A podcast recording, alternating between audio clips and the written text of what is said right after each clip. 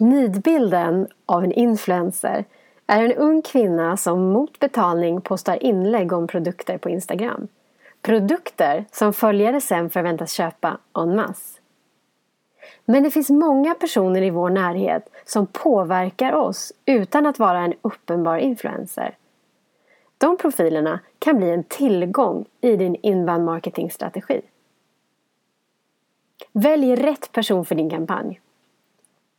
Influencers eller påverkansagenter kan vara personer vi läser om i branschtidskrifter, går på föreläsningar hos och läser bloggar av. De där personerna som är bra på det de gör, som säger något vi känner igen oss i och som vi alltid lär oss någonting av.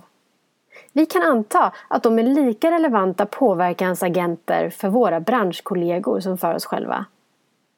Ett samarbete med en influencer innebär ett personligt samarbete Väljs en färgstark influencer inför ett samarbete så väljs även dess personlighet. Lägg större vikt på trovärdigheten och en bra match än antal följare. Men kräv transparens om engagemanget i hans kanaler.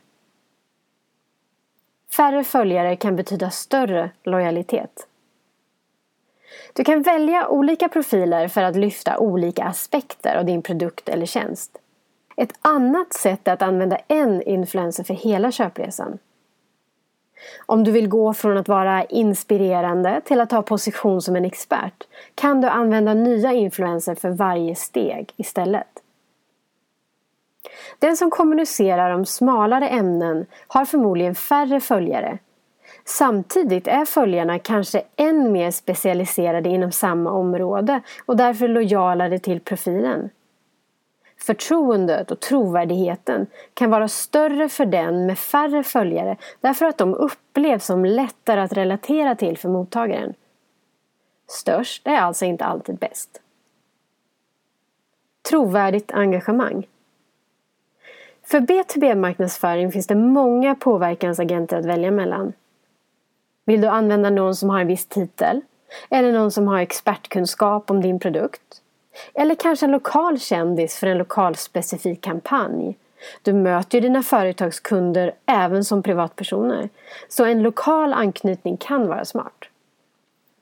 Det viktiga är att hen är genuin. Att engagemanget är på riktigt.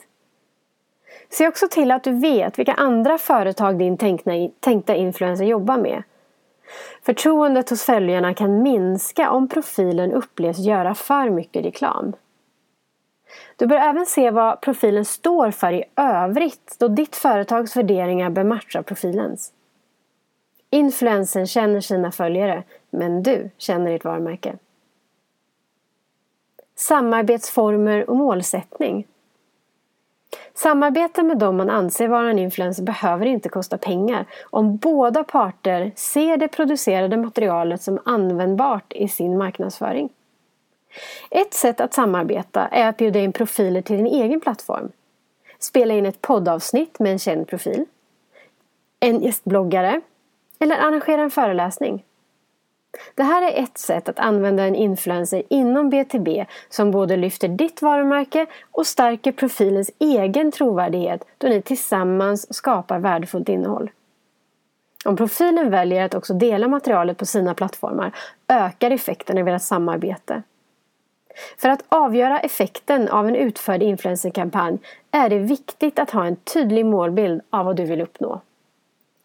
För det första, mission och mål. Slå fast den övergripande tanken bakom varför marknadsföring genom en influencer ska ske. Målsätt varje kampanj och insats noggrant genom att välja KPI samt vad varje KPI är värd. För det andra, Identifiering av influencers. Ingå samarbete med influencers som är i linje med det mål du önskar uppnå.